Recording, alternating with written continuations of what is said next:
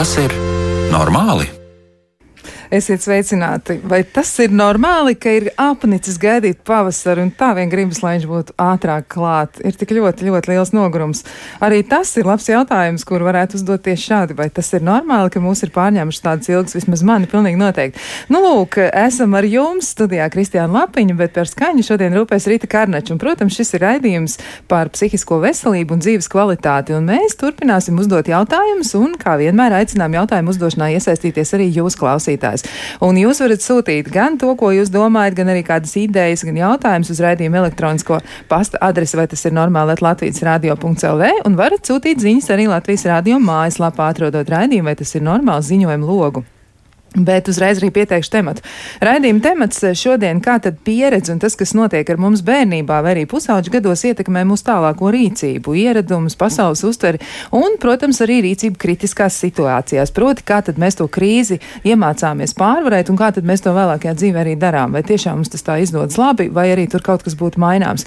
Un esam aicinājuši raidījumā piedalīties viesi, un tas ir Gunārs Trīmda. Viņš ir um, psihiatrs un strādā gan ar bērniem, gan ar pieaugušiem. Sveicināti! Labvakar!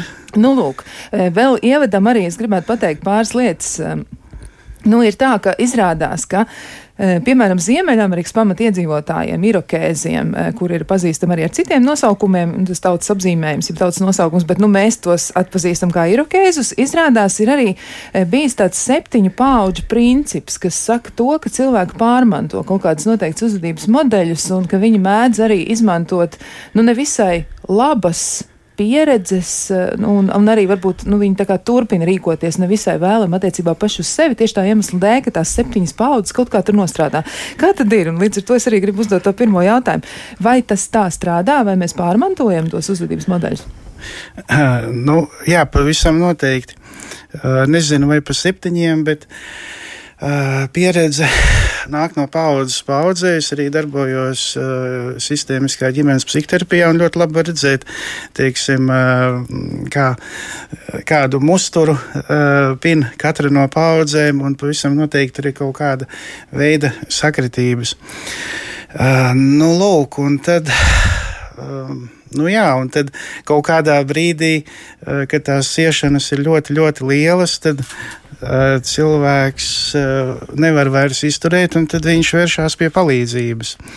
Un tad parasti var palīdzēt eh, psihoterapeits vai ne. Uh, jo pats sev palīdzēt nevar, teiksim, lasot grāmatas.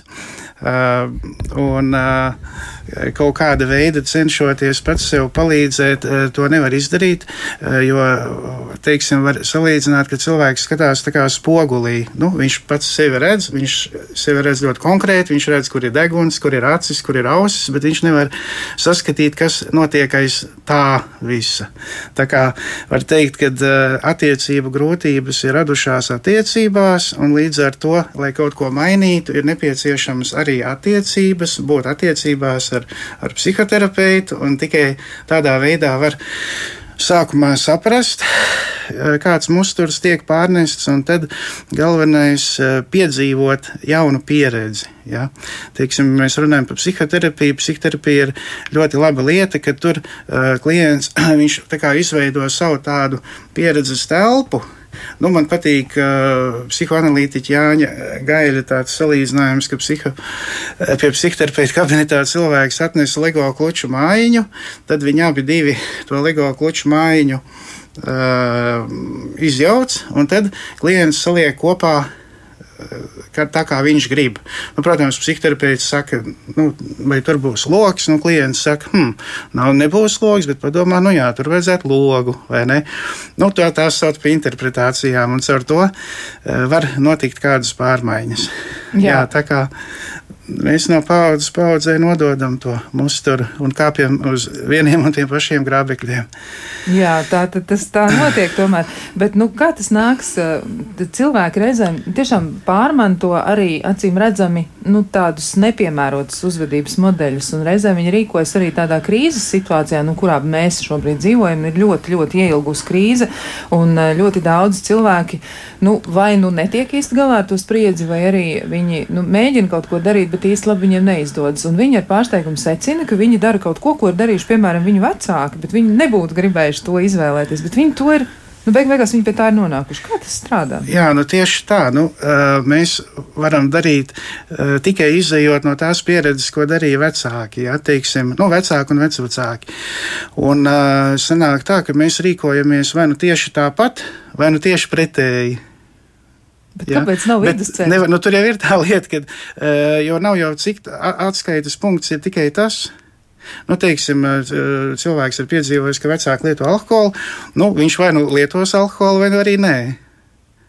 Nu, vairāk vai mazāk. Kad viņš, nu, tā kā, nu, viņam nav atskaites punkta cita.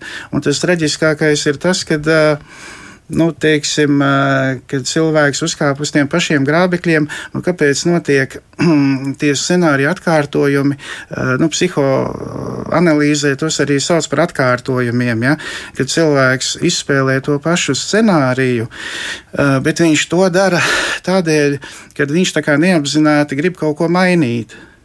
Nu, teiksim, meitene, kurai tēvs lietojas alkoholu, vai ne, viņa iepazīstās ar kādu jaunu cilvēku, kurš vai nu lieto alkoholu, vai nu sāks lietot alkoholu. Un viņai tā doma ir kāda, kad viņa varēs nu, viņu izmainīt, viņu izdziedināt ne no tās slimības. Nu, var teikt, ka viņa neapzināti grib izdziedināt savu tēti, vai ne, bet tas viņai nesanāk. Un savukārt tas cilvēks, kurš ir atkarīgs vai ne, teiksim, no alkohola, viņš atkal, varbūt, ja viņam ir bijusi tāda pieredze, kad, kad viņu atraida vai, ne, vai nepieņem vecāki vai nepievērš uzmanību, tad tāds paradoks, ka viņš no kā visu mūžu ir izvairījies vai ne, viņš satiek tieši to cilvēku vai ne, sievas veidolā, un sieva tad viņu, kā saka, visu visādi pēc tam tā kā, nu, devalvē un mēģina uzvest uz pareizā ceļa, bet tas nu, ne, ne pie kā nepieved. Un tad sanāk tā, ka cilvēki atkal ir tajā pašā situācijā, kur bija viņu vecāki vai vecvecāki. Nu jā, nu tieši tā. Bet kāda viņiem tad ir izēja no tā visa, ja, piemēram, tas tā ir noticis un mēs novērojam, ka iepriekšējā paudzē ir bijis tā, ka cilvēki ir, nu, pieņemsim, destruktīvi uzvedušies, nu viens pret otru ir izturējušies nelāgi. Tad kā, kā tad ir iespējams to izmainīt, lai tiktu no tā prom? Jo, nu, ir arī daži gadījumi, ka cilvēki reizēm saka, jā, man, piemēram, tētis vai mamma smēķē, un es to nekad nedarīšu. Nu, tā kā jūs teicāt, ja tā, tad vai nu vai nu, vai nu tad viņš to dara, vai nu viņš to nedara. Bet eh, kā tad mēģināt nu, aiziet prom no tiem nelabvēlīgiem uzvedības modeļiem, nu, piemēram, tad, kad ir ļoti smagi strīdi, cilvēki sastrīdas, un arī tas ir labs jautājums, kāpēc viņi sastrīdas, bet to mēs mēģināsim apspriest pēc tam. Bet, nu, tad mm, reakcija varētu būt tāda, nu, ka, pieņemsim, viens no otra vai otrs cilvēks izlēma, nu, viss, es tagad aiziešu, man ir jāiedzer kāda glāze, stiprāk dzērienu, un tā es palīdzēšu sev. Mm -hmm. Kā viņš to varētu tad mainīt? Nu, redzat, mainīt īsti nevar, jo nu, stāsts ir par to, ka viņam vajag, lai kaut ko mainītu, vajag jaunu pieredzi. Nu, piemēram, nu, tāds vienkāršs piemērs, nu, teiksim, par strīdiem runājot. Ja? Nu, viens no tādiem biežākiem iemesliem, eh, kāpēc eh, cilvēks kā, neprot strīdēties vai izvairās no strīdiem, ir tas, nu, ka viņš neprot dusmoties, viņš neprot ielikt emocijas vārdos. Ja?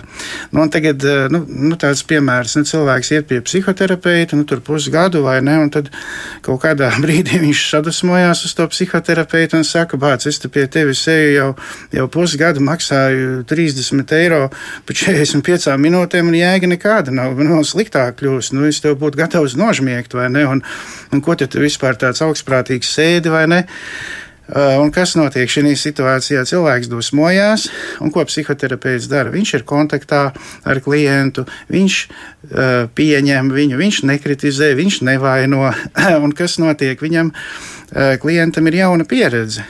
Ja visu laiku, teiksim, bērnībā tikko kā viņš ir dusmojies, tā viņu, teiksim, likuši kādā tumšā istabā vai ne, vai, teiksim, teikuši, lai nedusmojās, nu, ka vecākiem pašiem varbūt ir grūtības ar emociju izrādīšanu, un te viņš iegūst jaunu pieredzi. Un tā ir tāda ļoti unikāla vērtība, kad viņš tā kā, kā es varu dusmoties un nekas nenotiek ar maniem slikts. Nu, lūk.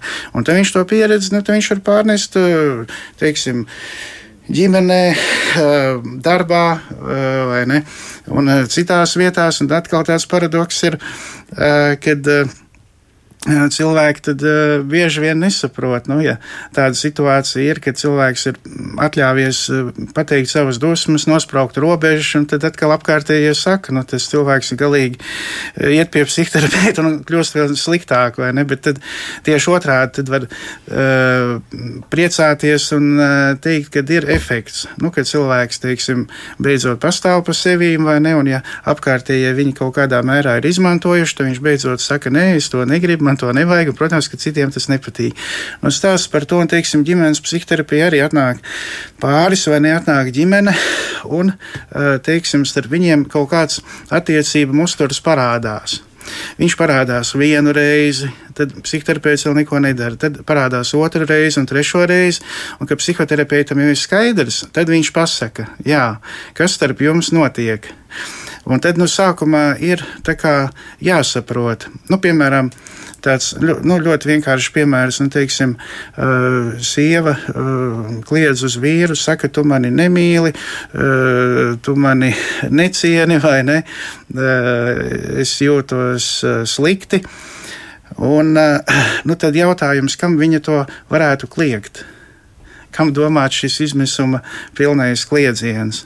Nu, mēs varam pieņemt, ka tas ir vairāk vai mazāk, eh, kad viņa to Uh, kliedzienu um, velta savam tētim, kurš tik tiešām varbūt nu, teiksim, kaut kāda iemesla dēļ, nu, vai nu ir teiksim, darbs saistīts ar tādu, nu, piemēram, jūrnieks, kas nu, reizi pusgadā ierodās uz nedēļu mājās, nu, kaut kāda veida sieviete ir jutusies atraidīta, ja, un viņa izvēlās partneri, un viņai ir noteiktu vēlme un tāda sajūta, ka viņš varētu par viņu parūpēties un būt kaut kādā mērā tēva lomā, nu, to, ko viņa dabūjusi no tēva.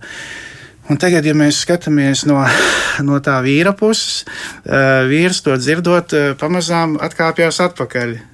Vienu soli, otru noslēdzās, vai arī kļūst ļoti, ļoti dusmīgs.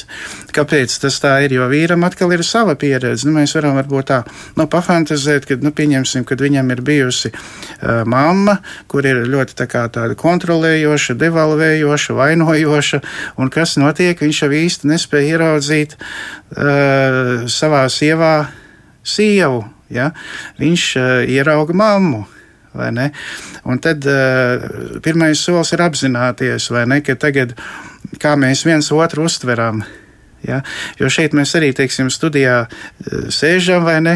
Es skatoties uz jums, kaut kādas man asociācijas nāk prātā, vai ne? Jūs uz manīm uh, skatāties un, un kaut ko domājat, jā, tādā ziņā, ka, teiksim, nu, kaut kāda tādas pagātnes pieredzes viņas ir visur, jā, un to savas uh, psiholoģijā pa pārnesi. Nu, ka mēs pārnesam vienu veidu attiecības uz citu vidi, vai ne?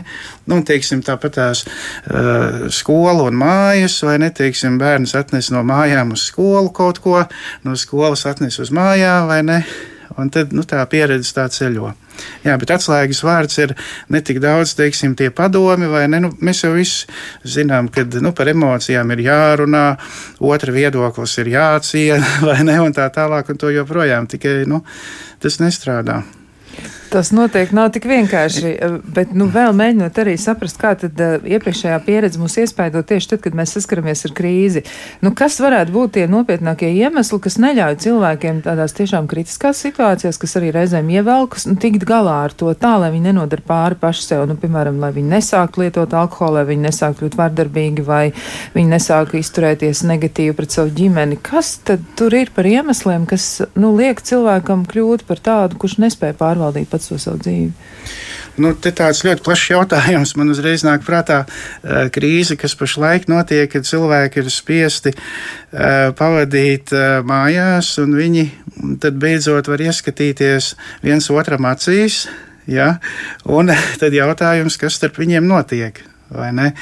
Un parasti, ja ir grūtības vienam otru izturēt, ja ir grūti parunāties vienam ar otru, tad uh, vairāk vai mazāk uh, nu, rodās visādi aizsardzības mehānismi. Viens no tiem ir darbs. Ne? Un, teiksim, ja tagad darbs ir zaudēts, cilvēks ir mājās, viņš ir dusmīgs, neapmierināts. Un, uh, nu, viņš ieraudzīja, nu, varbūt reizēm ir gadījumi, kad liekas, o, jā, mana sieva īstenībā diezgan tāda forša cilvēks izrādās, var uzspēlēt kādu galda spēli, ne? Un sieva saka, man īstenībā vīrs ir baigi jaukais, vai ne? Es nezināju, desmit gadu laikā tāda atklāsme nāk, bet, nu, diemžēl ar lielāka varbūtība tā nenotiek. Kad cilvēki, nu, kad viņi viens otram skatās acīs, kad ir ļoti grūti, ka starp viņiem rodās trauksme, vai ne? Un līdz ar to, ja vēl ir bērni, tad bērns arī to trauksmi jūt un, teiksim, attiecībā uz bērnu tiek kaut kādas lomas vai ne bērnam eh, piešķirtas, un, eh, teiksim, pieauguši arī kaut kādas savas daļas personības, ko nevar pieņemt. Viņi tā kā piedēvē bērnam, un tur nu, tādas ļoti dažādi visvisādi mehānismi notiek.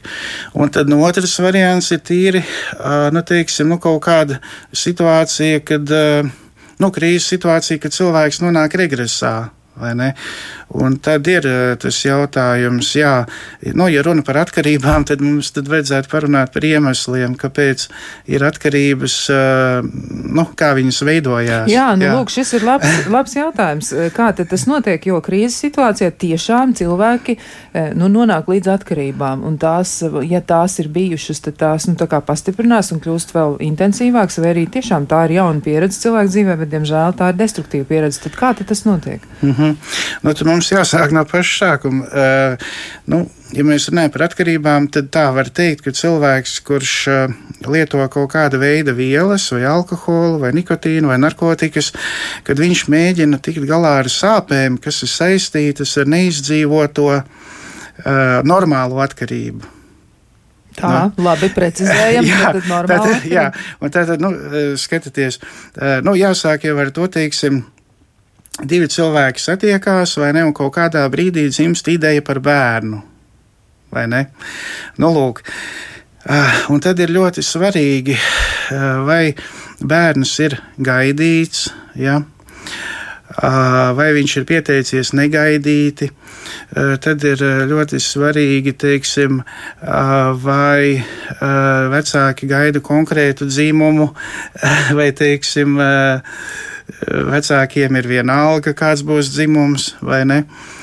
Nu, jo, teiksim, tad pēc tam var domāt, eh, nu, ja vecāki noliedz bērnu dzimumu, tad lielāka varbūtība bērns arī vēlāk pats noliek savu dzimumu. Ja?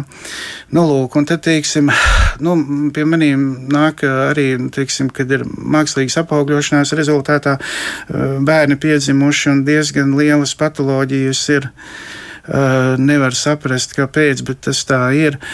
Nu, lūk, un tad, nu, sākot jau ar to, e, teiksim, arī, nu, ka bērns tā kā mātes zemdē, viņš ir un uh, viņš dzird, uh, ko.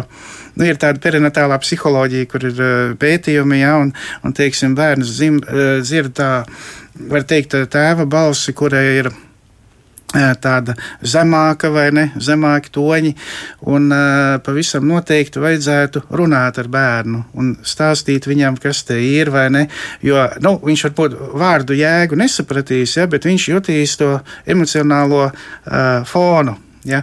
Bet, teiksim, nu, kad mammai ir kaut kāds stress vai strīdi ar, ar uh, mīļoto cilvēku vai, ne, vai kaut kāda šķiršanās, tad visam noteikti bērnam jau tīri bioķīmiskā līmenī kaut kādā mērā iedzimst kaut kāda ievainojamība, kaut kāda jūtība pret stresiem.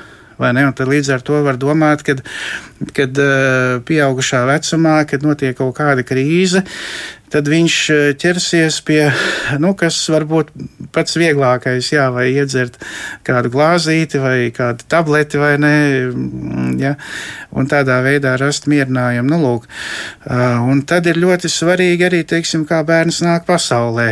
Nu, vislabākais ir, kā Vinikots, bērnu psihoanalītiķis, ir teicis, ka, nu, labākais ir, kad dzemdības izraisa pats bērns. Nu, teiksim, var teikt, ka teiksim, bērns piedzimst ar, ar spailēm, ja, ar uh, stāgu palīdzību, tad lielāka varbūtība viņam vajadzēs uh, ārēju kontroli, ja, ka kāds viņu kontrolēs.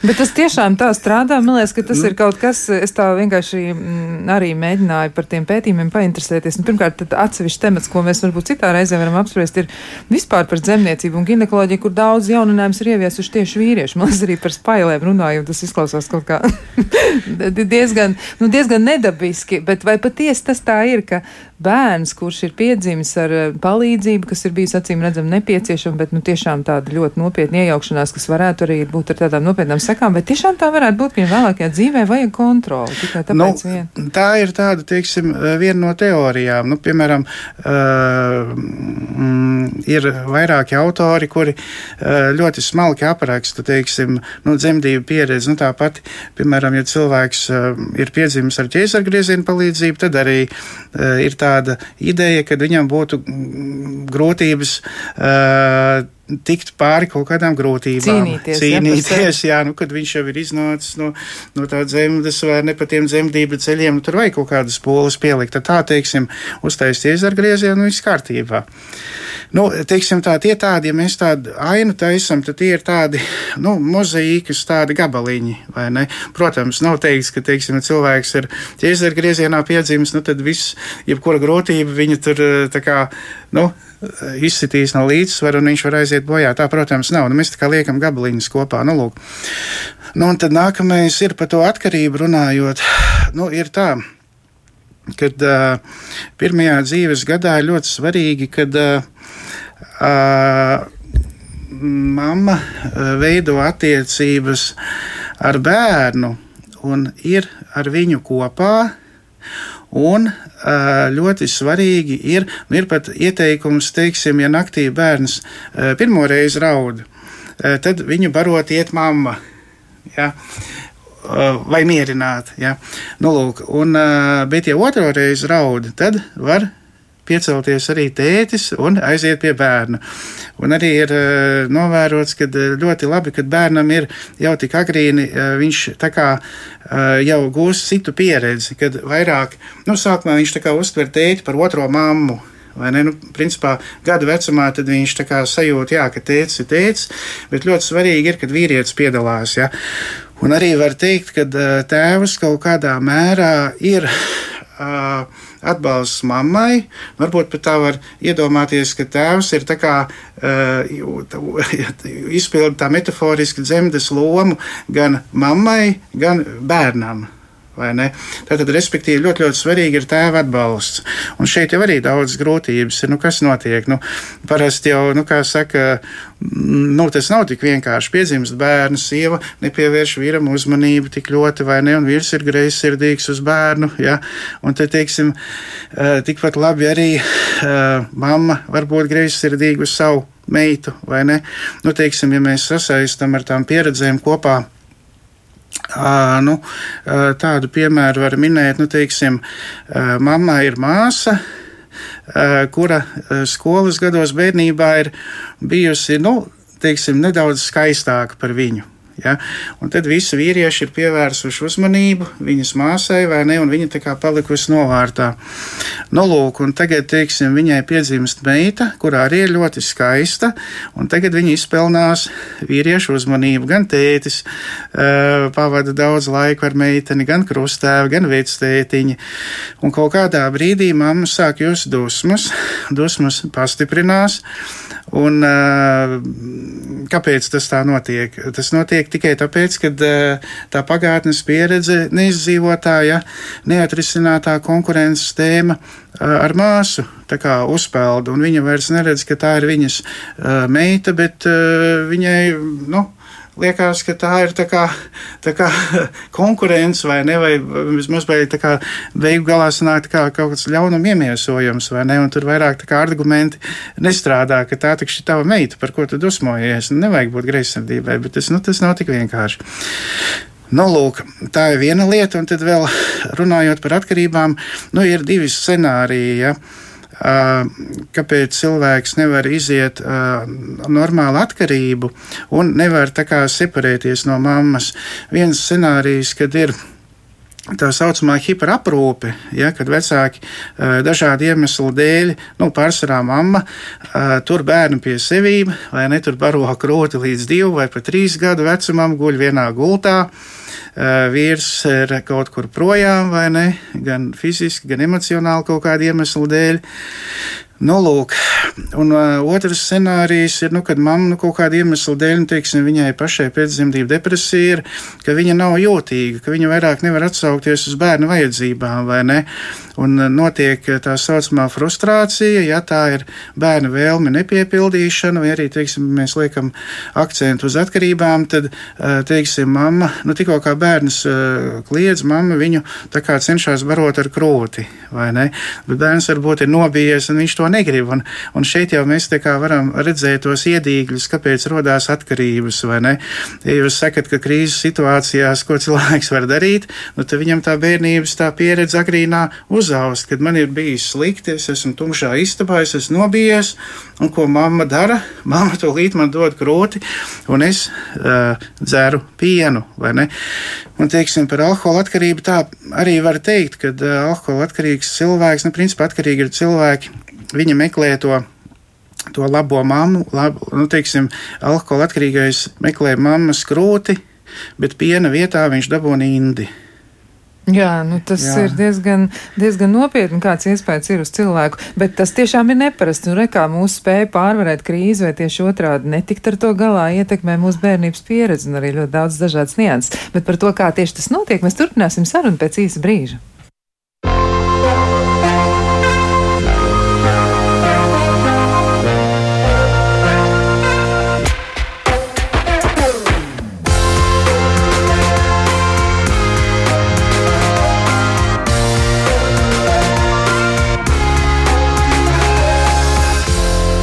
Vai tas ir normāli?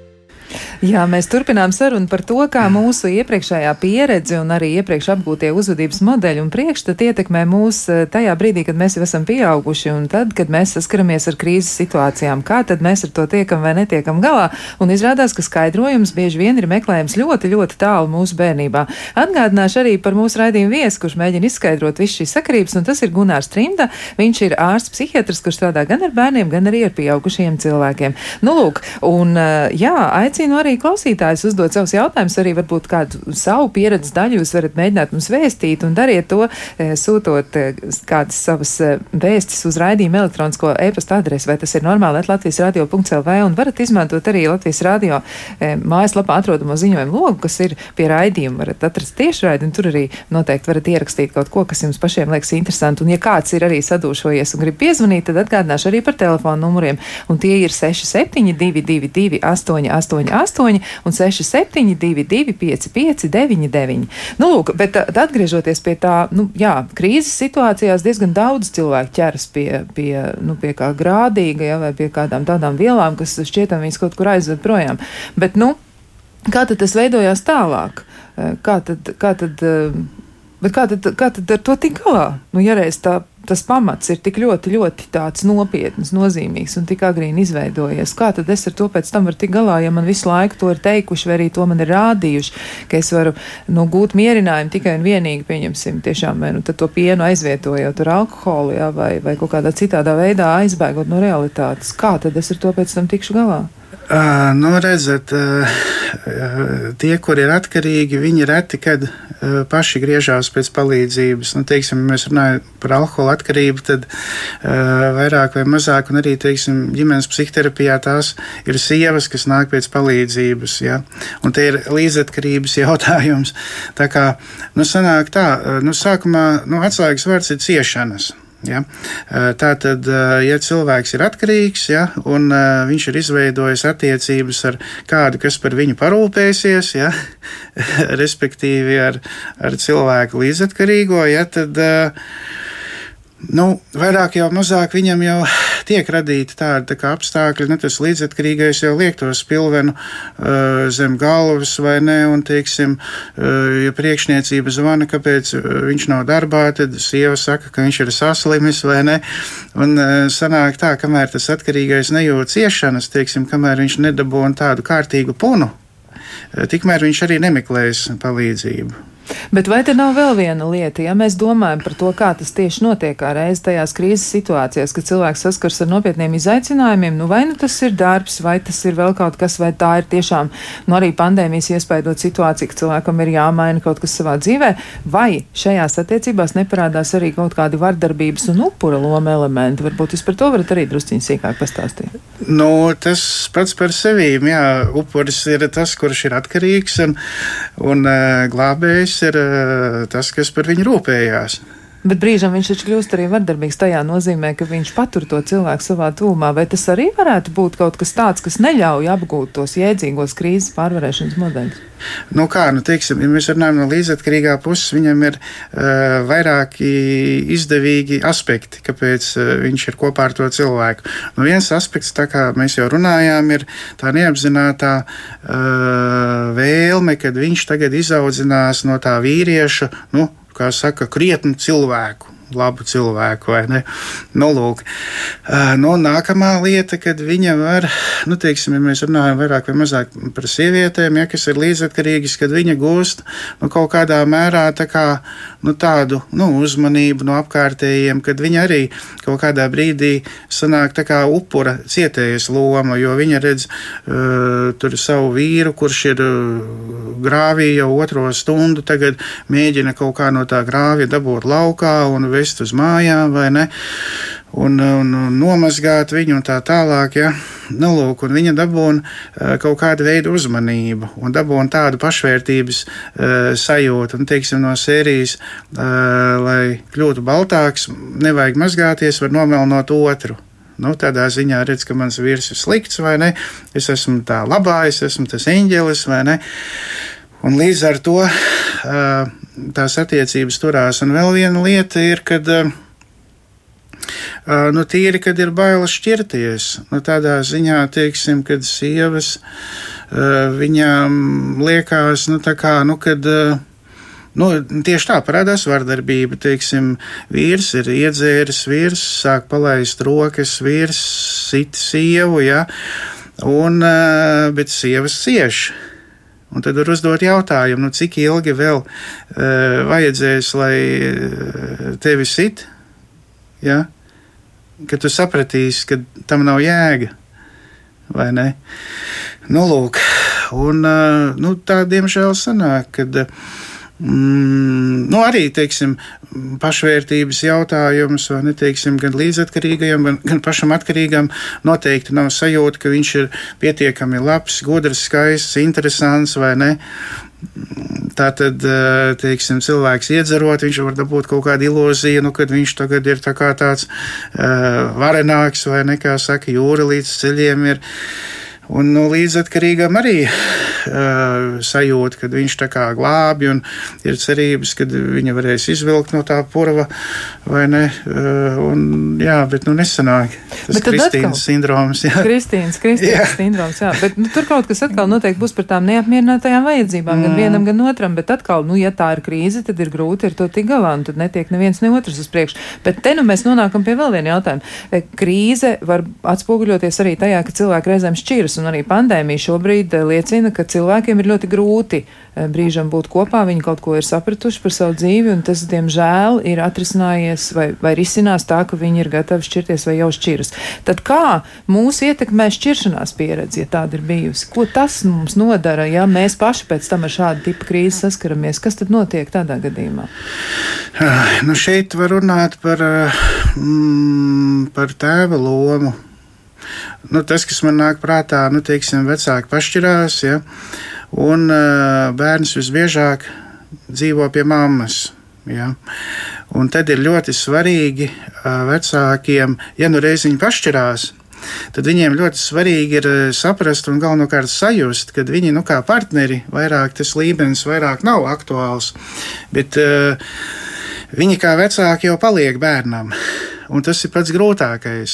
Jo, nu kā pieauguši cilvēki, viņi pašķirās, protams, paliek neizrunātas lietas, neatrisināti konflikti vai ne. Uh, un tad, kas notiek ar bērnu, tas tiek risināts. Un bērnam ir uh, ļoti uh, grūti. Bērnam ir tas saucamais lojalitātes konflikts, kad viņš ir pie mammas. Viņš tā kā nedrīkst runāt par tēti, vai arī, kad viņš ir pie tēta, viņš tā kā vairās runāt par mammu, vai ne? Viņš liekas, ka es runāšu par mammu, tad es nodošu tā kā tēti. Ja? Un šķiršanās pieredze ir ļoti teiksim, traumatiska tādā ziņā, ka, nu, ja mēs runājam par tēva lomu, tad mm, vēl atgriežoties pie iemesliem, ļoti svarīgi ir Un, ja runājot par atkarībām, kad attiecībās ar, ar mammu parādās tēvs, ja, un ļoti svarīgi ir, nu, tā tad jau dzimšanas brīdī, ja, nu, principā es esmu arī par to, ka tēvs varētu būt blakām savai mīļotajai dzemdību laikā. Man daži draugi, viņiem tāda pieredze ir, un viņi saka, diezgan tāds labs piedzīvojums ir. Jā. Nu, lūk, nu, tādā ziņā, kad ir atbalsts un uh, stāsts par ko, kad ir uh, ļoti svarīgi. Mm, kad bērns uh, atdalās no mammas, un uh, kad tas tiek izdarīts ar tēva palīdzību. Nu, tādā ziņā, kad uh, tēvs kādā brīdī uh, saka, stop mammai, uh, paņem bērnu no mammas klēpja un saka, iesim plašajā pasaulē. Nu, tas ir tas saucamais edipālais laiks, ja kādi 4 līdz 7 gadi. Ja. Uh, nu, lūk, un, nu, man patīk tāds salīdzinājums, kad teiksim, bērns ir kā, bērns ar mammu ir tādā okeānā, ja, kad mamma ir okeāna zeme un bērns ja ir kopā ar mammu, viņš dzīvojās okeānā. Un tētis ir virs ūdens. Ja? Un tad eh, ļoti svarīgi ir, kad eh, bērns uzpeld vai ne, viņš eh, sasniedz to tēti, bet tā ir problēma mūsdienās un jau kādu laiku atpakaļ, ko arī var izskaidrot, ka tēvi, nu, viņi nespēja pildīt to uh, saucamo trīsstūra veidu attiecību lomu, un viņi nevar aizvest bērnu no mammas, ja, un, teiksim, pateikt mammai, ka bērns nav viņas labākā daļa, bet viņa pati ir sevis labākā daļa, respektīvi vīrietis uztur attiecības ar sievieti, un bērnam ir pieredze, kad bez viņa attiecībām ir arī citas attiecības. Ja? Nu, lūk. un šķiršanās gadījumā uh, notiek bieži vien uh, tāda situācija, kad uh, bērns, nu, šķiršanās gadījumā sievietei ir ļoti grūti, nu, arī vīrietim ir grūti, bet sievietei ir ļoti grūti nu, viņa arī var teikt, nonāk tā kā krīzes eh, situācijā. Ja? Un, principā, viņai pašai vajag eh, atbalstu, viņai pašai kaut kādā mērā vajag vecākus. Uh, bet kas notiek? Bērnam vajag vēl jau vairāk tajā brīdī, bet mammai nav iespējams, viņai pašai vajag uh, uzmanību, atbalstu, bet viņa pavisam noteikti nevarēs veltīt vairāk laika nekā viņa veltīja līdz šim, bet bērnam tieši to laiku vajag. Nu, lūk. Un tad kaut kādā mērā eh, bērns tiek padarīts par atbalstu vai ne, un, teiksim, psiholoģijā to sauc par incestuālām attiecībām. Man arī, teiksim, pieņemšanā man tādām mirzošām acīm sakoja, man dēls 8. martā uzdāvināja tādu puķu pušķi, ro, rozu, rožu pušķi vai ne, un, un tad jautājums, vai, vai tiešām, vai dēlam tas ir jādara, un attiecības nav tā kā viņai ar ar ar vīriešiem, bet ir dēls, kas dāvina puķis. Bet kas notiks tad ar to dēlu, ja viņš saskarsies ar attiecību krīzi, piemēram? Nu, tā nebūs profesionāla krīze, tā nebūs cita veida krīze, bet tieši attiecībās būs kādas kolīzijas. Kas notiks tad ar viņu, ja viņam būs bijusi šāda te apvērstas lomas pieredze, ja, būs tas kaut kā savādāk noticis? Nu, redzat, var teikt, ka viņš jau arī nespējas izveidot attiecības, jo viņš jau ir precēts ar mammu. Ja?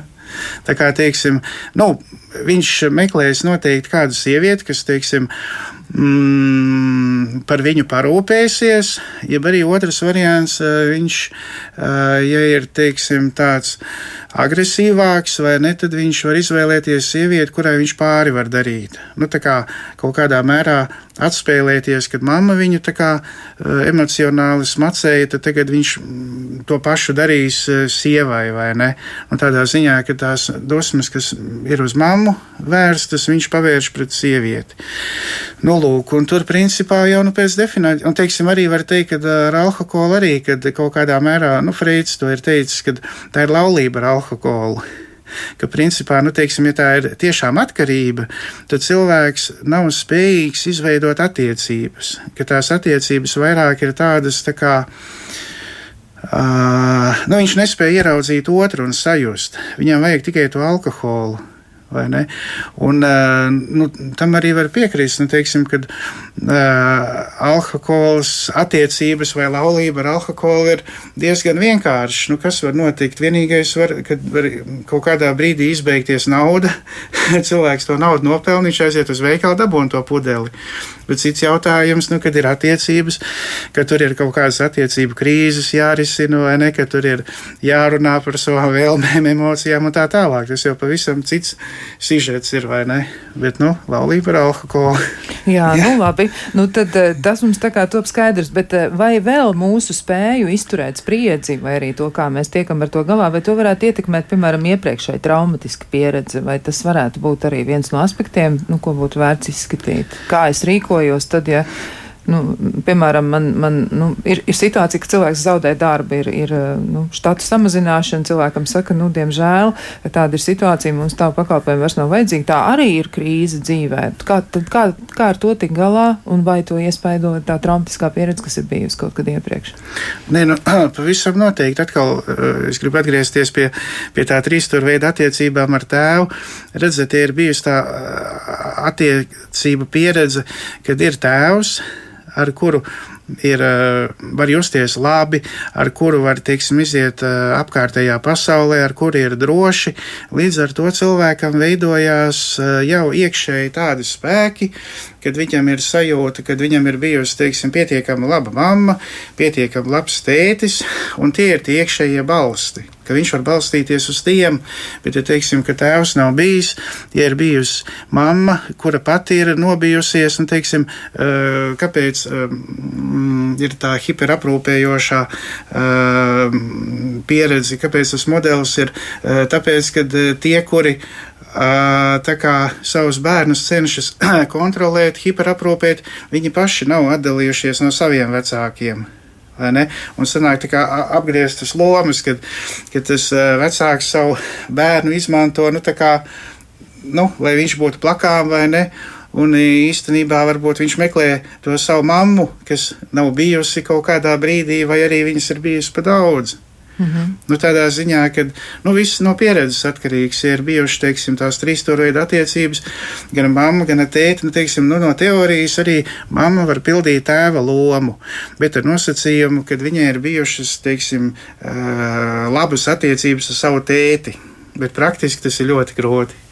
Bet, nu, teiksim, bērni jau arī jau atrod to tēva daļu. Tā arī nav, kad, teiksim, šķiršanās gadījumā viņi jau tāpatās, mm, puikas, piemēram, viņi aktīvi, viņi skrien tur, viņi aizskrien pie viena trenera, tur aiziet uz vienu pulciņu, aiziet uz otru pulciņu, viena skolotāja atrod vai otru. Nu, mēs jau arī nu savu laiku mēs tur teiksim, plakātus līmējām padomu laikos, vai ne Žans Klots, Van Damme un Švarcnegers, vai nebija istabā plakāti, vai ne, katram puisim bija tā bija tāda normāla lieta, vai ne, nu arī identificēšanās, vai ne, ar kaut kādu vīrišķo.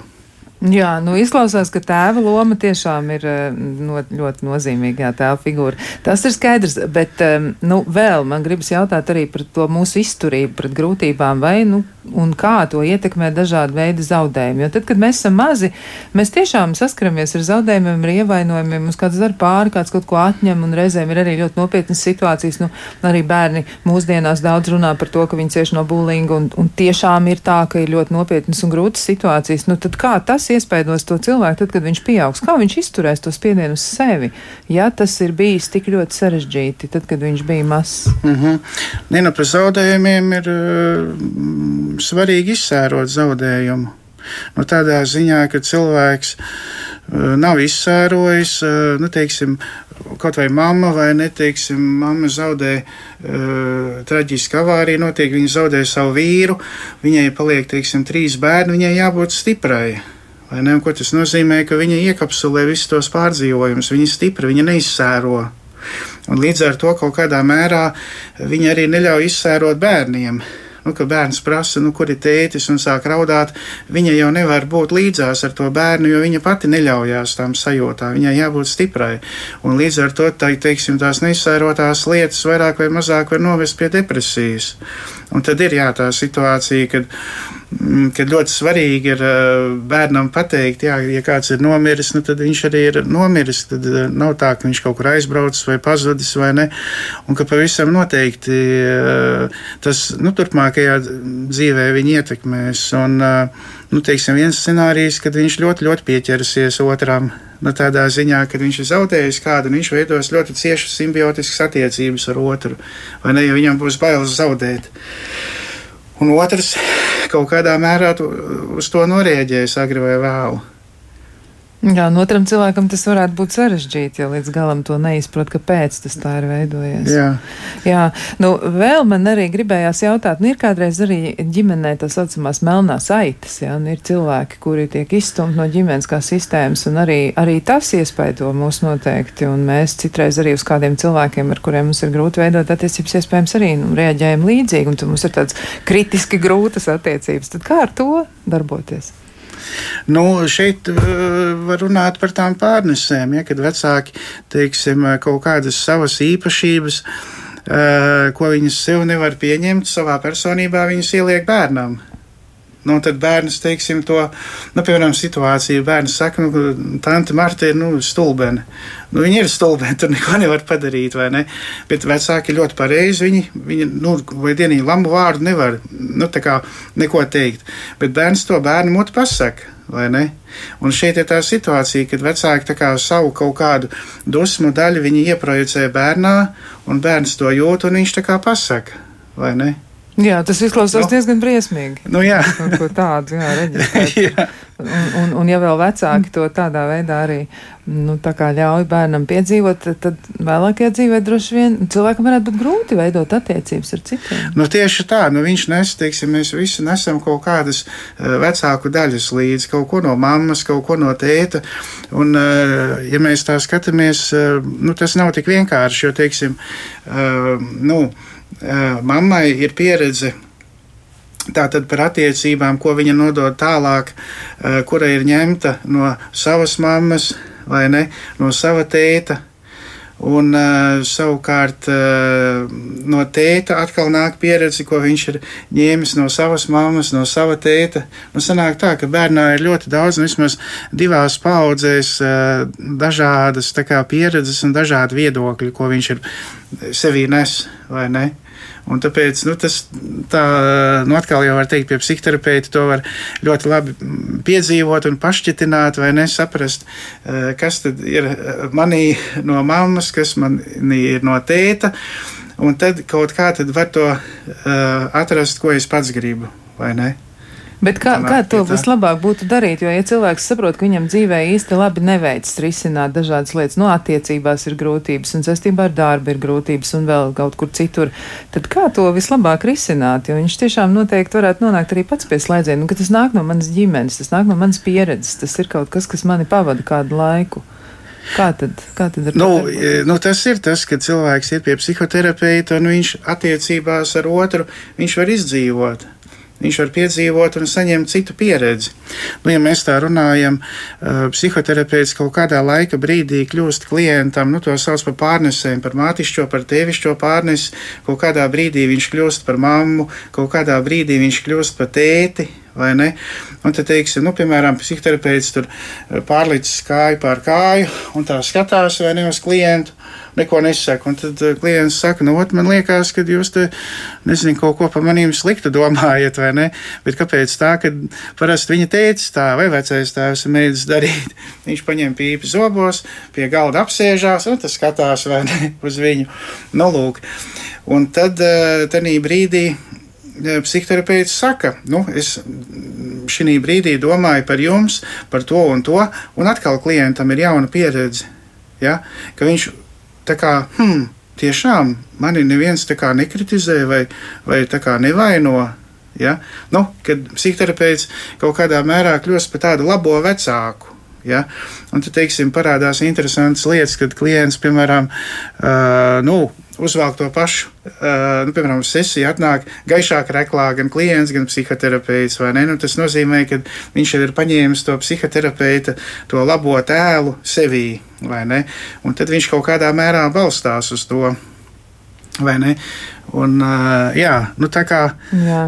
Jā, stāsts par, par attiecībām Stāsts par, par pieredzi. Stāsts par attiecībām pieredzi. Nu, izskatās, eh, ka mums tā šodien tāds kaleidoskopisks tas skatījums beig beigās izvērtās, jā, jo, jo mūsu doma bija izpētīt, nu, kā pieredze ietekmē mūsu un ietekmē mūsu visvairāk tajās krīzes situācijās, bet skaidrs ir viens, ka tas, ko mēs esam piedzīvojuši kādreiz, ka tas mūs pavada visu turpmāko dzīvi, un laikam tomēr, nu, tie pieņēmumi par tām septiņām paudzēm, nu, kaut kas tajā visā ir, jā, visās, nu, tādā, nu, visās kultūrās droši vien nē, bet, nu, visās kultūrās ir kaut kas, kas par to, bet dažās kultūrās ir tieši tas septiņas paudzes.